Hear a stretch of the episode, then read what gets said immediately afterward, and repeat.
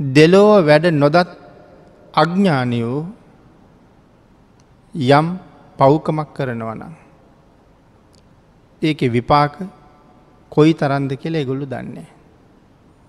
යමෙක් පව්කං කරන්න ඉදිරිපත් වෙනවනං එයා මේ තමන්ගේ දෙලෝම යහපත පිළිබඳව සලකන්නේ නැති කෙනෙ.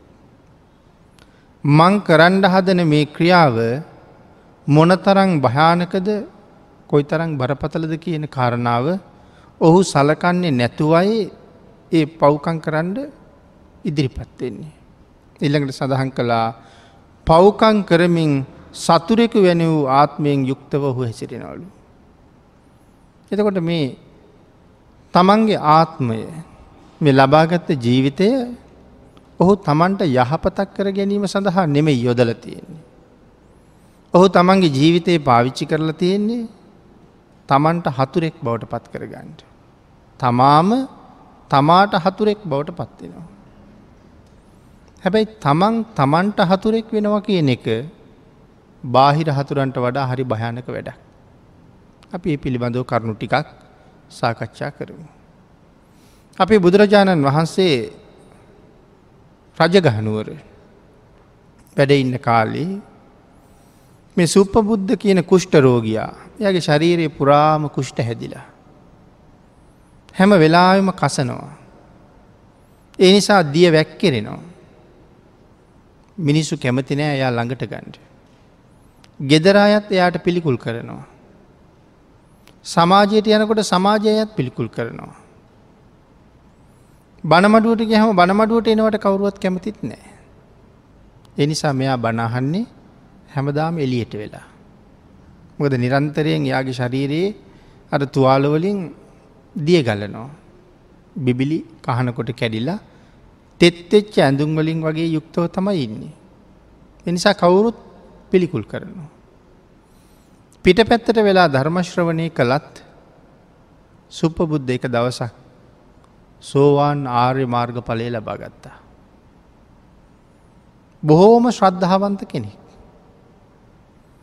දැන් සුප්පබුද්ධට හිතෙනවා මම සෝවාන් වෙච්ච බව බුදුරජාණන් වහන්සේට කියන්න යන්න ඕන කියලා.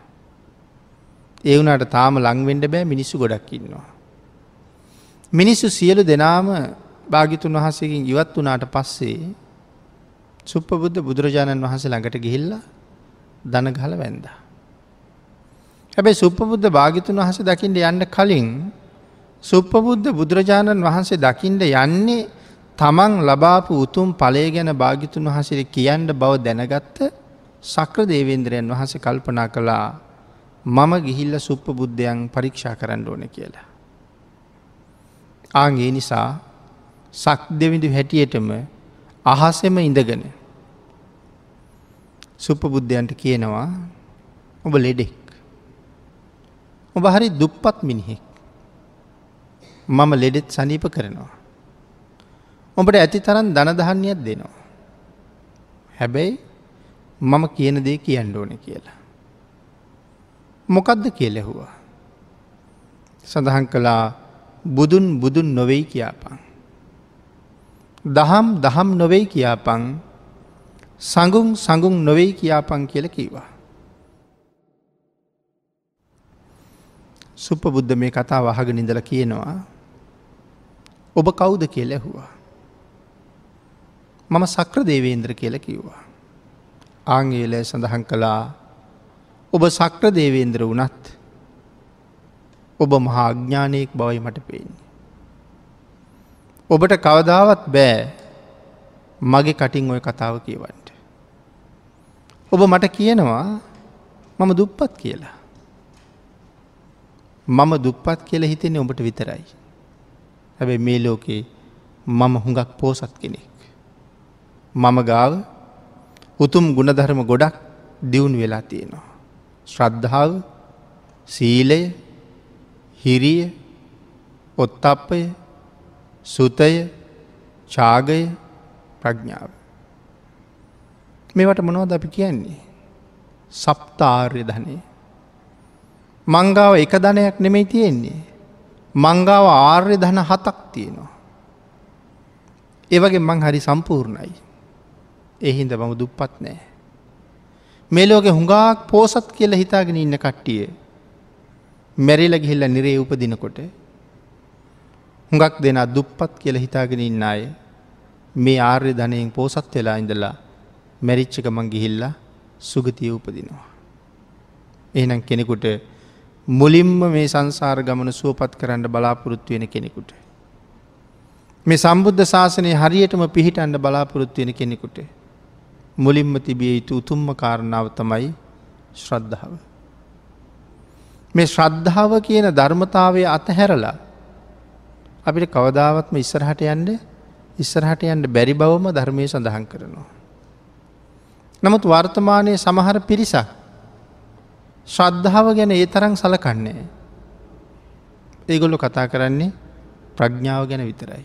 ශ්‍රද්ධාවෙන් ඇති වැඩක් නෑ සීලයෙන් ඇති වැඩක් නෑ වටින්නේ ප්‍රඥාවයි කියලා. ඒක පිරිසකගේ මතයක් ඒක භාග්‍යතුන් වහසගේ අවබෝධයෙන් නෙවෙයි. ඒක භාග්‍යතුන් වහසගේ දේශනාවත් නෙවෙයි. ශ්‍රද්ධාවෙන් පරිපූර්ණ තැනට කිපු කෙනෙක් එම නැත්තං වටින්නේ ප්‍රඥාවයි කියල කිපු ප්‍රඥාවේ පරිපූර්ණ තැනට ගියපු කෙනෙක් රහතන් වහස කියල කියන්නේ. ප්‍රඥා කෘත්තිය මුදුන් පත් කරපු කෙනෙක්. නමුත් ධර්මය සඳහන් කරන්නේ රහතන් වහන්සේ ළඟ වැඩියෙන්ම තියෙන්නේ ශ්‍රද්ධාවද ප්‍රඥාවද කියල කවුරු හරි ප්‍රශ්නයක් නැගුවොත්. රහතන් වහසේ දෙන උත්තරීමකක්ද ශ්‍රද්ධාව කියලා. ප්‍රඥාව නෙමෙයි ශ්‍රද්ධාව කියලා. එනම් මේ ශාසනයෙන් ඉස්සරහට ඉස්සරහට යන්න කෙනෙක් බලාපොරොත්තු වෙනවා නම් එයා ගාව තිබිය යුතු මූලික කාරණාව ශ්‍රද්ධාව. ශ්‍රද්ධාව ගාවට සීලයේ. ශ්‍රද්ධා වන්තයා ගාව සිල් තියෙනවා මිසක් ශ්‍රද්ධාව නැති කෙනෙක් ගාව සිල් රැකෙන්නේ නෑ. බුදුරජාණන් වහන්සේ මෙන්න මේ විදිහට පිළිපදින්න කියලා අපිට දේශනා කළා භාගිතුන් වහන්සේගේ වචනයට කීකරුවෙන්ඩ ඕන කියන හැඟීම ඇතිවෙන්නේ ශ්‍රද්ධාව හින්දා. ශ්‍රද්ධාව නැතිනං කවදාවත් බුද්ධ වචනයට කීකරු වෙන්නේ කීකරු වෙන්නේ නෑ. එනම් ශ්‍රද්ධාව ඇති අය ගාව තමයි උතුම් සීලයක් සුරක්ෂිත වෙනවනං සුරක්ෂිත වෙන්නේ. ආං එහෙම සිල් ආරක්ෂා කරගෙන ඉන්න කෙනෙකුට තමයි ධර්මශ්‍රවනය කරන්න හිතෙන්නේ. මනාව ධර්මශ්‍රවනය කරන්න පුළුවන් වෙන්නේ. හිත එක තැනක තියාගෙන බනාහන්ඩ පුළුවන් වෙන්නේ. පටන්ගත්ත වීරයෙන් අවසාන වෙනකම්ම ධර්මශ්‍රවනය කරන්න පුළුවන් වෙන්නේ එහෙම ශ්‍රද්ධාවක් තියෙන කෙනෙකුට. බනාහනාය අතර විවිධ පිරිස්සින්නවා. හැමෝම බණහනවා වගේ පෙවුනට හැමෝම බණහන්නේ. නමුත් වාඩි වෙලා ඉන්නවා. ශ්‍රද්ධාව තියෙන අය හරියටම පටන්ගත්ත වීරියම ධර්මශ්‍රවනය කරනවා. එනම් ශ්‍රද්ධාව සීලය ශෘතය එළකට මෙතන සඳහන් කළා මේ හිරියොත් අප ලැජ්ජ බයි මොනවට ලැජ්ජ බයිද මේ පාපයට තියෙන ලැජ්ජ බයි. ඉළඟට ත්‍යාගය මේ ආදී කාරණා කෙනෙකුගේ ජීවිතයට බොහෝම වටිනවා. ඇති සුපබුද්ධ සඳහන් කරනවා මෙවන් වූ ආර්ය දන හතකින් මම පෝසත් කොහොම ඔබ මම දුප්පත් කියන්නේ. මේ කතාව හල හරි ප්‍රීතියට පත් වනා සක්‍ර දෙවේන්ද්‍රියෝ. සුප්ප බුද්ධ භාග්‍යතුන් වහසගවට යන්ට කලින් සක් දෙමිදු ගියා භාග්‍යතුන් වහස ළඟට. ගිහිල්ල සුප්ප බුද්ධ පිළිබඳව තොරතුරු හරි සතුටින් බුදුරජාණන් වහසට සඳහන් කළා. භාගිතුන් වහස සඳහන් කරනවා. ඔබවාගේ සක්‍ර දේවේන්ද්‍රවරු සීයක් ගිහිල්ල කරුණු පැහැදිලි කළත්. සුප්ප බුද්ධගේ මතේ වෙනස් කරන්න වෙනස් කරන්න බෑ. සුප්ප බුද්ධගේ කටින් කවදාවත් බුදුන් බුදුන් නොවෙයි කියල කියවන්න පුළුවන්කමක් ඇත්තෙම ඇත්තෙම නෑ කියලා. එතකොට හරියටම බුදුන් සරණ ගියපු ශ්‍රාවකයා. කවදාවත් භාගිතුන් වහසට පිටු පාන්නේ නෑ කියන කරුණයි මේ කියන්නේ. කිසිම හේතුවක් නිසා කිසිම බලවේගයකට මොනවා දෙනවා කියල කිව්වත් තමන්ගේ සරණ බිඳගන්නේ නෑ කියන කාරණාවයි මෙතන සඳහන් කරලා තියෙන්නේ. ලෙඩෙත් සනීප කරන්නම් කිව්වා බොහොම ධන සම්පතුත් දෙන්නම් කිව්වා. ඒත් බැරිවුණා බුදුන් බුදුන් නොවෙයි කියල කියවන්ට. එක තමයි හැබෑම ශ්‍රද්ධාවන්තයගේ හැටි. එතකොට මේ සුප්පබුද්ධ භාගිතුන් වහස ළඟට ගිහිල්ල එයාගේ කාරණාව කියලා සතුටු විය යුතු කතා කරලා කරුණු කියලා නැගිටලා යන්න ගියා. මොනවද මේ සතුටු විය යුතු කතා කියනවා කියලා කියන්නේ. ගියපු ගමම්ම මංආවේ මොකටද කියලා කියන්නේ කියන්නේ නෑ බුදුරජාණන් වහස දන්නවා එන්න මොකටද කියලා එන්න කලින්ම. ඒ වුණට අපේ යුතුකම තමයි ගියපු ගමන් අපි කියන්නේ නෑ කවුරු මුණ ගැහෙන්ට ගියත් අපි ගියපු ගමම් අපි ගියපු කාරණාව කියන්නේ කියන්නේ නෑ. ඒ නිසා අපි කතා කරන යම් කරුණු ටිකක් තියෙනවා. සුප්පබුද්ධත් භාගිතුන් වහස ළඟට ගිහිල්ල එහෙමයි සතුටු විය යුතු කතා. ස්වාමීණි සනීපෙන්ඩ භාගිතුන් වහසට මෙච්චර වෙලා ධර්ම දේශනා කරලා වෙහෙසද. අද උදේ පින්ඩ පාති වැඩියද. මේ ආදී කාරණා ටිකක් ඉස්සරලා අහනවා සතුටු විය යුතු කතා කියල කැන ඒවට. එහෙම ටිකක් කතා බහ කරලා තමයි කරුණු කියන්නේ. මෙයා ස්වාමීණි මම සතරපාය මිදුනා බෝම ශ්‍රද්ධාවෙන් කියලා භාගිතුන් වහසගාවින් පිට වෙලා ගියා. ආගේ යන ගමනේ මේ සුප්ප බුද්ධට එල දෙනක් ඇනල මැරෙනවා. යක්ෂණයක් තමයි එල දෙනෙක් ගෙවෙස් අරගෙන එන්න තරුණ එල දෙනෙක් ගෙවෙස් සරන් ඇවිල්ල ඇල්ල මරලදානවා. එතකොට භික්‍ෂූන් වහන්සල මේ කාරණාව දැනගෙන බුදුරජාණන් වහසගෙන් ඇහුවා ස්වාමීණී සුප්ප බුද්ධ මග මැරිලා. සුප්ප බුද්ධ කොහෙ ඉපදුනාද භාගිතුන් හස සඳහන් කලා සුප බුද්ධ තවතිසාාව උපත්තිය ලැබෝ කියලා. එතකට ඇයි සුප බුද්ධ මෙහෙම මග මැරුණේ මොකක් හරි කරුමයක් තිබුණද. ඒ කාරණාවත් භාගිතුන් වහස වෙනම වෙනම විස්තර කරලා දුන්න. මේගොල්ලු පෙර භවයක කාන්තාවක් මරණයට පත් කළා. තව කුමාරවරු හතර දෙනෙක්. බොහෝම ධනවත්තේ ගොල්ලු. අනික් අය දන් දෙනකොට මේ ධනවත් කුමාරවරු මොනවද කරන්න කියල කල්පනා කළා. එක එක් කෙනා එක එක යෝජනා කළා. අන්තිමට කෙනෙක් යෝජනාවක් කළා අපි නිදහස් තැනකට ගිහිල්ල. හොඳට රාරක්කු බීල විනෝදවෙමු කියලා. ඒක හැමෝම අනුමත කළා. ගමේ මය ප්‍රදේශමය දන් දෙනවා. නමුත් මේ ධනයෙන් සියලු දෙනාට වඩා ඉහළම ඉන්න අය තමයි මේ යෝජනාව මේ සාකච්ඡාව කරන්නේ. රාරක්කු බීල සතුටුවම කීපයකට හැමෝම කැමති වුණා. ඒකට තවත් ටිකක් කෙනෙක් එකතු කළා අපි තනියම යනවට වඩා කාන්තාවකුත් එක්ක යමු කියලා. හතර දෙනාම මුදල් ගෙවන පොරොන්දුවට වෛශ්‍යාවක් තමයි මිලට ගත්තේ. ඇයට ආභරණත් අරගෙන දුන්න ඇඳුම් පැළඳුනුත් තරන් දුන්න හවස මුදල් ගෙවන්ඩත් පොරුන්දුනා නමුත් හවස මේ අයම කතා කළා මෑයට මුදල් ගෙවන්නේ මොකටද.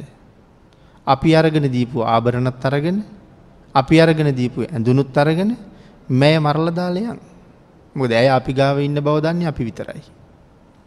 ඇ කාන්තාව අසරණයි. නමුත් ඉතින් ඇය කල්පනා කලා මට වෙන කරන්න දෙයක් නෑ.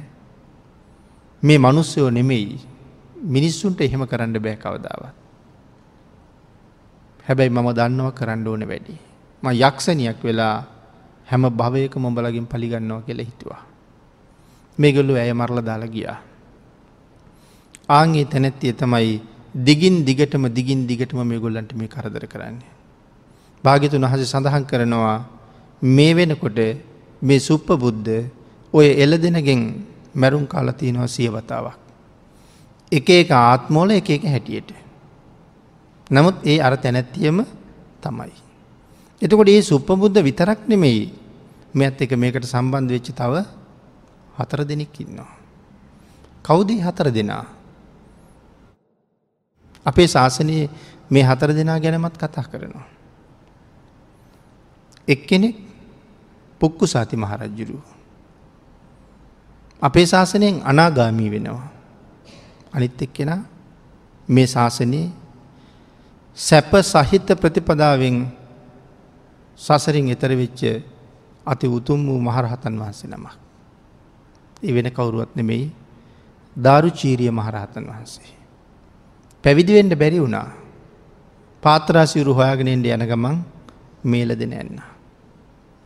අනිත් එකෙන තමයි පනස් පස් අවුරුද්දක් චෝර ගහතක තනතුර හොබෝපු තම්බ දාටික චෝරය.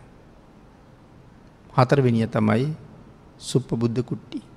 මේ හතර දෙනා තමයි එදා අර කාන්තාව වෛශ්‍යාව මරල දෙම්මිත්. එතකොට එහෙනම් මේ හතර දෙනාම අපේ ශාසනයම මැරෙනවා මේ විදිහටම. ඒ කීවෙනි වතාවද සියවෙනි වතාව. මැගෙන් මැරුම් කන සියවෙනි වතාව. නමුත් වෛරය කියන එක කොයි තරං බලවත්ද. අපි භාගිතුන් වහසේ දේශය වෛරේවාගේ දේවල් අපේ ජීවිතවලින් එලවලාම දාන්න කියල දේශනා කළේ හින්දා. එදා මේගොල්ල ලොකු කරුමයක් කරපු බව ඇත්ත. සුප්පබුද්ධ කුට්ටි මේ වෙනකොට තවතිසාව ඉපදිච්ච කෙනෙ. ධාරුචීරිය මහරහතන් වහන්සේ සංසාරෙන් එතර වෙලාම යන්න ගියා. පුක්කු සාති මහරජිරු අනාගාමි නිසා බඹලො ඉපදුනා.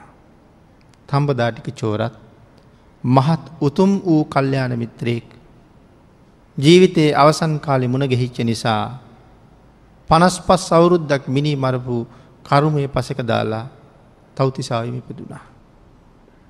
ශැරියුත් මහරහතන් වහන්සේට දානවේලක් පූජා කරලා අපමන ප්‍රීතියෙන් පසුවෙන වෙලාවක තමයි එල දෙන ඇනලා මරන්නේ. ඒ නිසා තෞතිසාවයම ඉපදෙනවා. භික්‍ෂූන් වහන්සේලටත් ප්‍රශ්නයක් ආව මේ මහා චෝර ගහතකයා කොහොමද තෞතිසාවිගී කියලා. භාගිතුන් හස සඳහන් කලා මහනිනී අවසාන කාලේ ඔහුට හම්බුනේ එසේ මෙසේ සත්පුරුෂයෙක් නෙවෙයි කියලා. අංගේ පිහිටෙම්ම දෙව්ලව ගිහිල්ල ඉපදුනා. ඉතින් එතකොට අර යක්ෂණිය සෝවාන් ආර්ය ශ්‍රාවකයෙක් මරණයට පත් කළා මහා කුසලයක්. සාමාන්‍ය කෙනෙක් මැරුවවාගෙන නෙමේන්නේ. අනාගාමින් වහන්සේ නමක් මරණයට පත් කළා.